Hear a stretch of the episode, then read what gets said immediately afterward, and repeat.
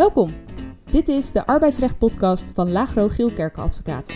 Met Annemiek Varkenvisser en Gerard Zuidgeest. In iedere aflevering bespreken zij op luchtige wijze actualiteiten in het arbeidsrecht.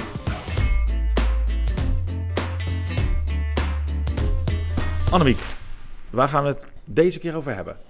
Nou, vorige week hebben we het in de uitspraak van de week al gehad over een uitspraak over nevenwerkzaamheden onder het oude en onder het huidige recht. Het huidige recht is wat strenger ten aanzien van nevenwerkzaamheden, want werkgevers kunnen dat alleen weigeren als daarvoor een objectieve reden bestaat. Mhm. En deze keer gaan we nog wat verder in de nevenwerkzaamheden en kijken we in hoeverre een werknemer die ziek is bij de ene werkgever ergens anders kan werken tijdens de ziekte. Ja, en of dat dan altijd leidt tot ontslag op staande voet. Ja.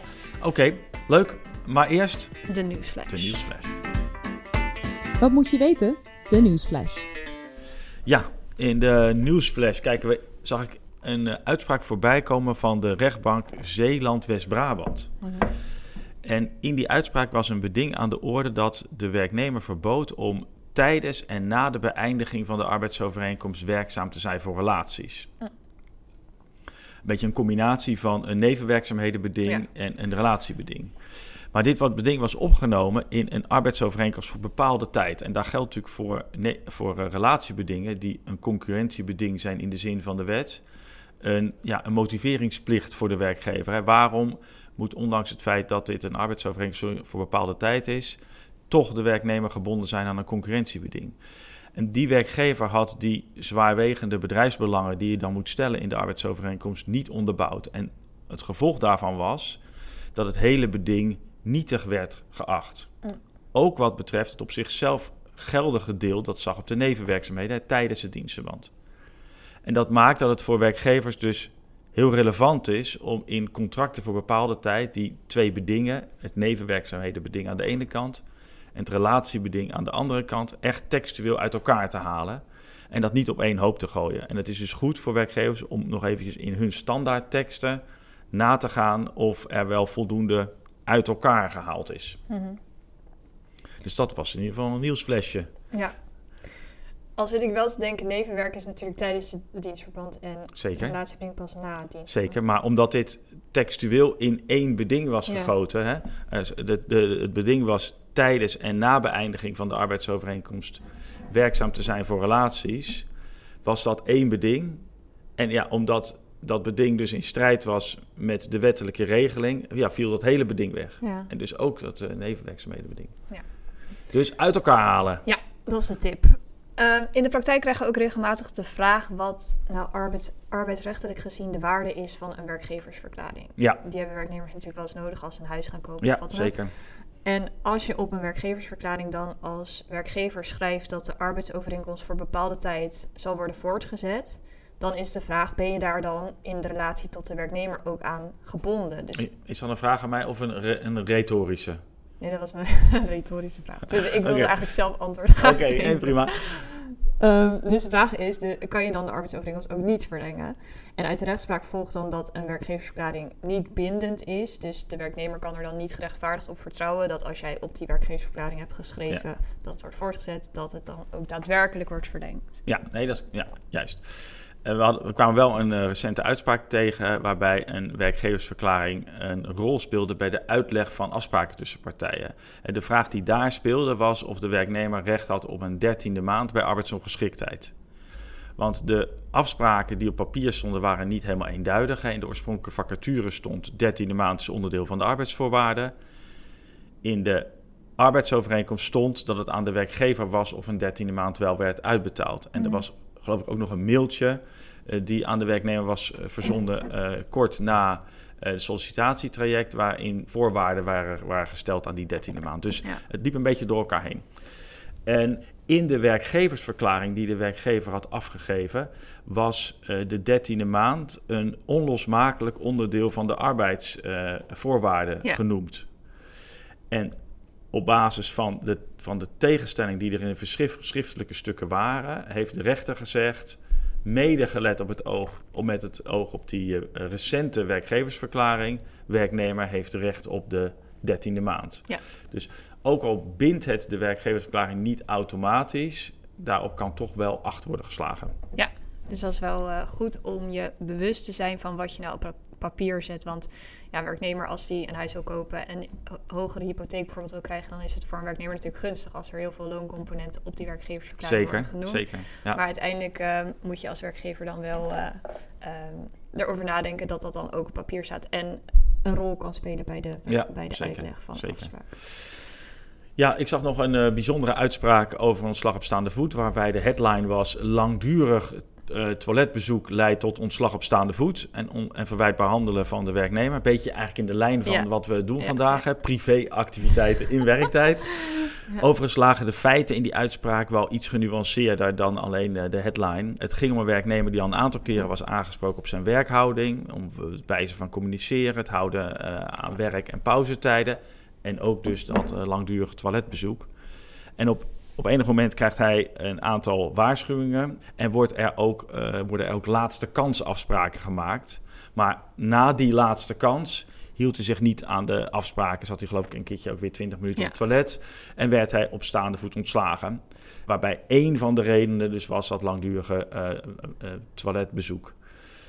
En eh, daarbij stond het ook. En dan ook nog met je telefoon Ja. uit, de, uit het, eh, in je hand uit het toilet komen. Nou, de kantonrechter vond uiteindelijk, gelet op die optelsom, hè, druppel, Ja. eh, emmer, eh, nou, dat verhaal ken je, eh, dat het ontslag op staande voet terecht was gegeven. Dus Ja. er zijn wel beperkingen aan wat je als privé, eh, Ja, in, in privé Maar mag doen alleen het lang op de wc zitten is dan natuurlijk niet zo snel een ontslag op staande voet. Nee, hoewel ik denk dat als de werknemer daar voldoende voor wordt gewaarschuwd... Mhm. en er eigenlijk onvoldoende reden wordt gegeven voor dat Ja. steeds langdurige toiletbezoek... Hè, dat kan natuurlijk een medische reden zijn... Mhm. dat at the end of the day dat ook tot ontslag op staande voet Ja. kan leiden. Net als re- regelmatig een beetje te laat Ja, komen... precies. uiteindelijk tot ontslag op staande voet kan leiden... Als de werknemer maar voldoende gewaarschuwd is. Ja, eens.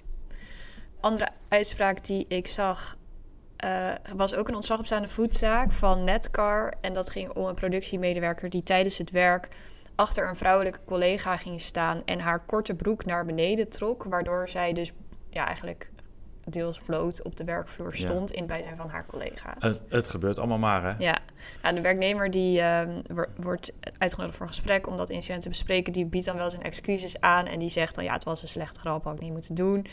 Maar de werkgever zegt nee, dit is op staande voet.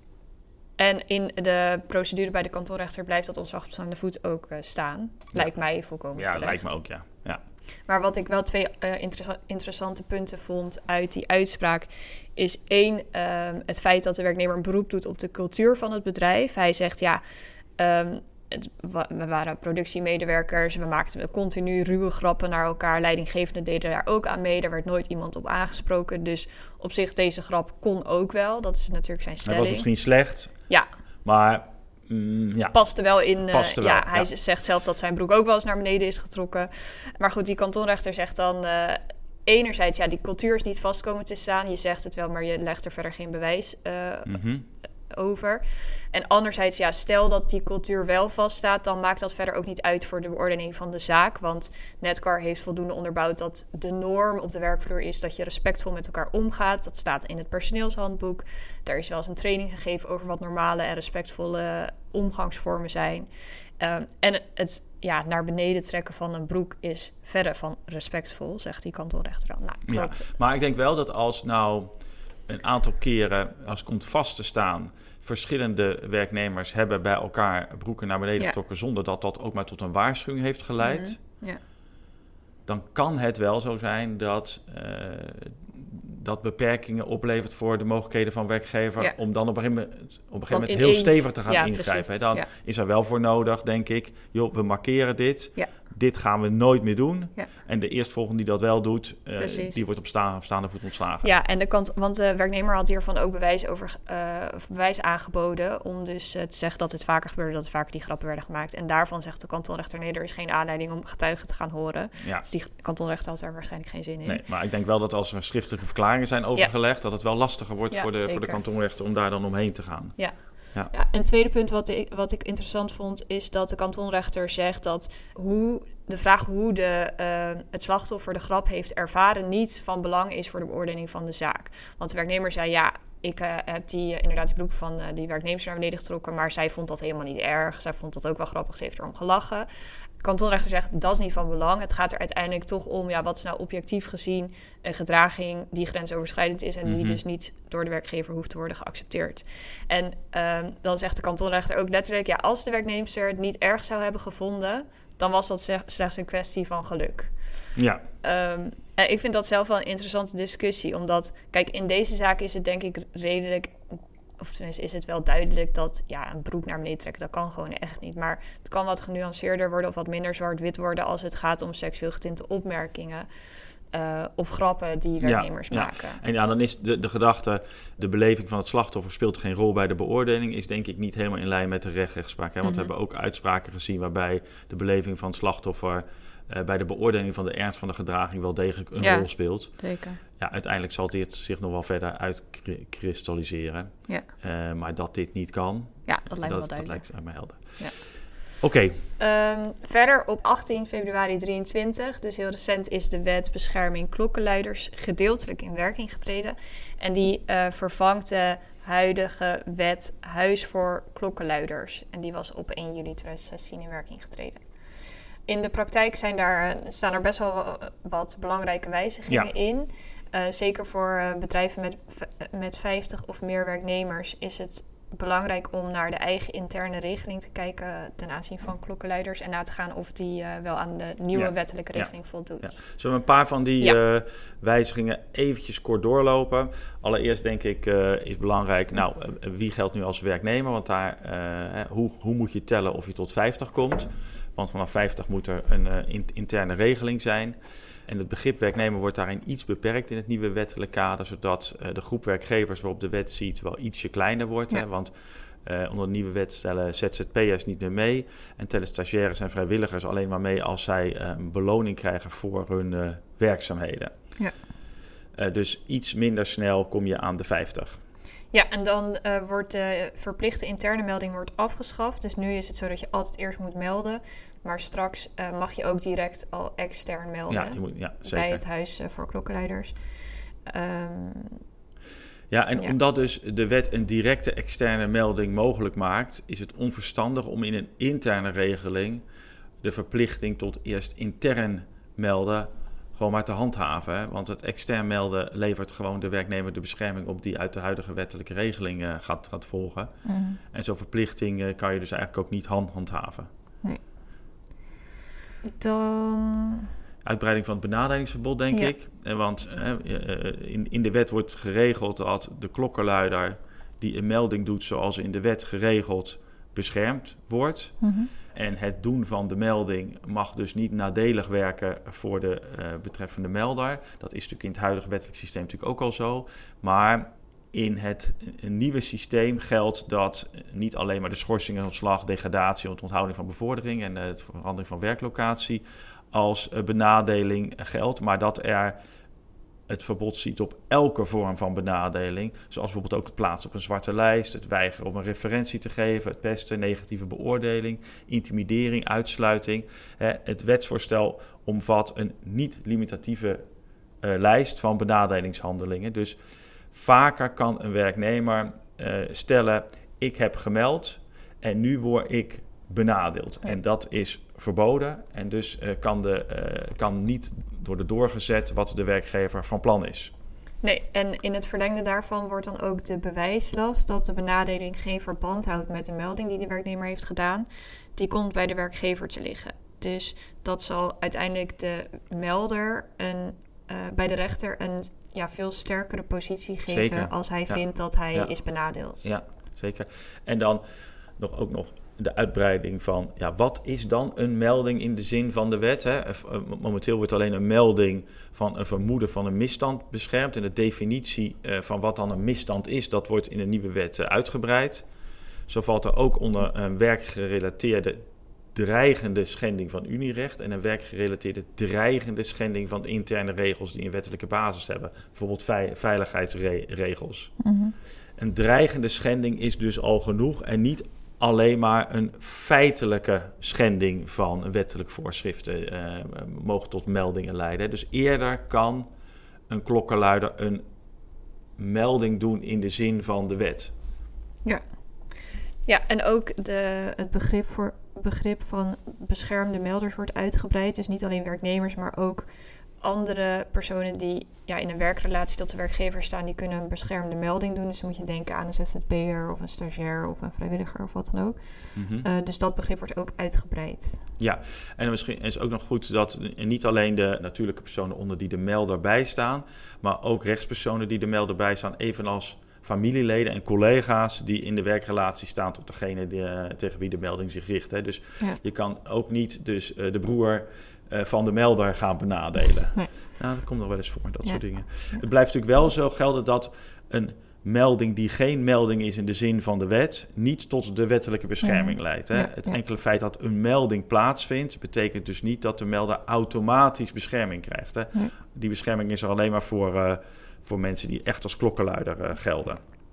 Ja, er komt daarnaast een verbod op zwijgbedingen voor beschermde melders. En um, het oude wettelijk kader voor meldingen die zijn gedaan onder de huidige wet, die blijft dan wel gelden. Um, maar wat dat dan zal betekenen voor oude meldingen, dat is nog niet helemaal Ja, duidelijk. want vaak wat, wat uiteindelijk zie je toch heel vaak, althans op ons bureau, de klokkenluider eh, eh, gaat weg bij de werkgever. Daar worden afspraken gemaakt. Een van de afspraken is, je, hou, je houdt je mond. En dat is, eh, dat laatste, je houdt je mond, dat zal in, onder het nieuwe wettelijk kader uh, eigenlijk niet meer, uh, niet meer kunnen. Nee. Maar de vraag uh, nou, hoe het dan met, die, met oude zaken staat en of dus oude klokkenluiders toch nog mogen gaan melden, ja, dat, dat is nog niet helemaal, niet helemaal helder. En er zijn ook denk ik wijzigingen ten aanzien van de van in, eisen aan de interne meldregeling. Er Mhm. komen toe, toevoegingen voor de rol van de, van de ondernemingsraad. En er gaan extra bevoegdheden uh, gelden voor het Huis van de Klokkenluiders. Dus het, de positie van de echte klokkenluider wordt dus verder versterkt. Ja. En werkgevers zullen dus vaker waarschijnlijk met klokkenluiders claims te maken krijgen. En voor een werkgever is het echt van het grootste belang dat correct aan de voorkant wordt beoordeeld of nu sprake is van een echte klokkenluidersmelding met de daarbij behorende bescherming voor de melder. Ja. En in die, die beoordeling niet correct plaatsvindt, zal de consequentie immers veelal zijn dat als later de rechter er alsnog aan te pas komt, de werkgever een hele dure vergissing blijkt te hebben gemaakt. Hè? Want dan zal heel snel een billijke vergoeding plaatsvinden of iets anders, Mhm. uh, verlenging van dienstverband. En omdat klokkenluidersmeldingen nog niet heel veel voorkomen, hebben de meeste organisaties daar eigenlijk geen of weinig ervaring mee. En ligt het dus voor de hand om echt wel even externe expertise in te schakelen om tot de juiste beoordeling van zo'n, van zo'n melding uh, te komen. En misschien is het ook nog goed op te merken dat als je het als werkgever nog niet helemaal op orde hebt, dan staat er niet direct een sanctie daarop. Uh, het, leidt, het, het, niet hebben van een correcte meldersregeling leidt niet direct tot een boete. Het is ook geen strafbaar feit. Hè. Wel kunnen natuurlijk werknemers, nee niet natuurlijk, in het kader van de nieuwe wet kunnen werknemers of de ondernemingsraad de rechter vragen om wel een juiste regeling te gaan invoeren. Maar het niet hebben, geen boete. Uh, en het gaat natuurlijk uiteindelijk om hoe een werkgever handelt bij een daadwerkelijke melding. Mhm. Als de werkgever dat niet goed doet, dan staan er voor de werknemer allerlei mogelijkheden open. Hè. Uh, Indien hij wordt belemmerd in het doen van een melding of wordt benadeeld, dan kan hij een vordering instellen bij de civiele rechter. Schadevergoeding, eventueel uh, dwangsommen. Ook kan een melder een onderzoek aanvragen bij het Huis voor de Klokkenluiders. En dat huis heeft uh, bestuursrechtelijke sanctiemogelijkheden, last onder dwangsom of een boete. Uh, en hij, en ook kan de arbeidsinspectie zo nodig bestuursrechtelijke sancties opleggen als blijkt dat een onderzoek niet goed is uitgevoerd. En zelfs kan de werkgever ook strafrechtelijk worden aangepakt indien er sprake is van het zwart maken van zo'n melder. Hè. Mhm. Smaad laster uh, is geregeld in uh, het wetboek van strafrecht. Dus uh, er kan zelfs dan een lichte gevangenisstraf worden opgelegd aan de Ja. werkgever. Dus doe de beoordeling aan het begin van het traject Ja. correct. Oké, Nou, dat was het denk ik wel voor, voor, voor de nieuwsflash. ik denk het wel. We hebben best veel besproken. Oké, dan gaan we naar de uitspraak van de week. Ja. De uitspraak van de week. De uitspraak van de week gaat over het verrichten van nevenwerkzaamheden tijdens ziekte. Ja.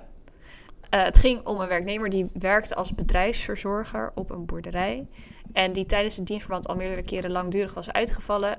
En in 2021 heeft hij ook een waarschuwing gekregen omdat hij tijdens zijn uh, langdurige arbeidsongeschiktheid zwart werkte bij iemand anders. Ja. En naar aanleiding van deze waarschuwing heeft de werkgever een addendum opgesteld waarin staat dat de werknemer alleen nevenwerkzaamheden mocht verrichten met toestemming van de werkgever. En alleen als de nevenwerkzaamheden geen negatief effect zouden hebben op zijn werkzaamheden bij de werkgever. Ja. Uh, werknemer heeft dit ook ondertekend. En op 6 juli 21 wordt de werknemer door een koe getrapt, waardoor hij is uitgevallen omdat hij uh, een blessure aan zijn arm heeft. De werkgever die heeft uh, nou ja, in dat, die periode van arbeidsongeschiktheid passende werkzaamheden gezocht, maar de werknemer vond die te zwaar. er volgt dan een periode van discussie over nou, wat is nou de belastbaarheid van de werknemer. Kan hij reintegratiewerkzaamheden verrichten? vinden ook een aantal keer een loonstop plaats.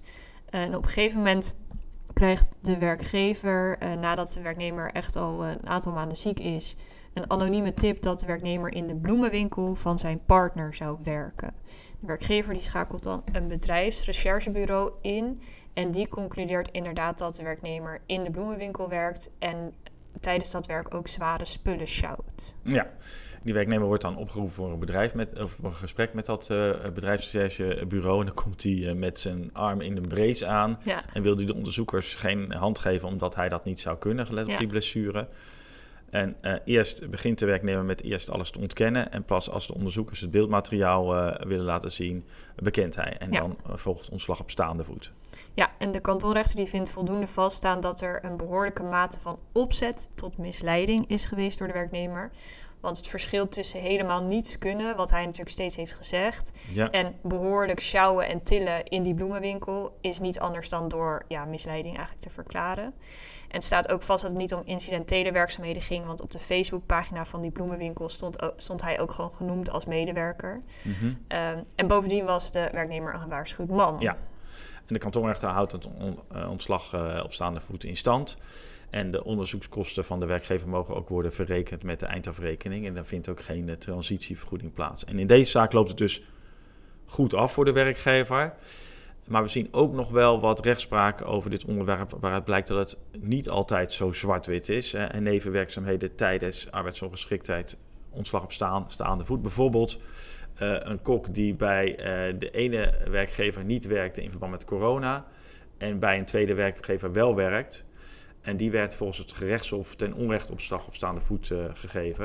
En het ontslag op staande voet hield dus geen stand. En daarbij speelde mee dat bij de ene werkgever veel strengere uh, corona-eisen werden gesteld dan bij de andere werkgever. En door de werkgever onvoldoende was onderbouwd dat er geen toestemming was uh, gegeven voor het nevenwerk. Ja, en een andere uitspraak, daar deed de werkgever verzoek tot ontbinding van de arbeidsovereenkomst wegens verwijtbaar handelen, omdat de werknemer die had psychische klachten en was daardoor uitgevallen bij die werkgever, die ging tijdens die arbeidsongeschiktheid nepwimpers zetten tegen betaling. Um, en volgens de werkgever was daar geen toestemming voor gegeven. En de kantonrechter die, die wees het ontbindingsverzoek af, want die zei ja, de werknemer had dit eigenlijk wel met de bedrijfsarts moeten afstemmen.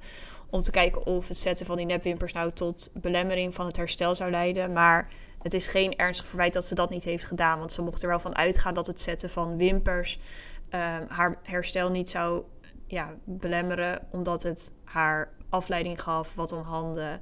Uh, en ze had natuurlijk psychische klachten. Ja, ja, en het blijft dus at the end of the day uh, casuïstisch. Hè? Uh, we kunnen wel een paar lessen halen uit rechtspraak.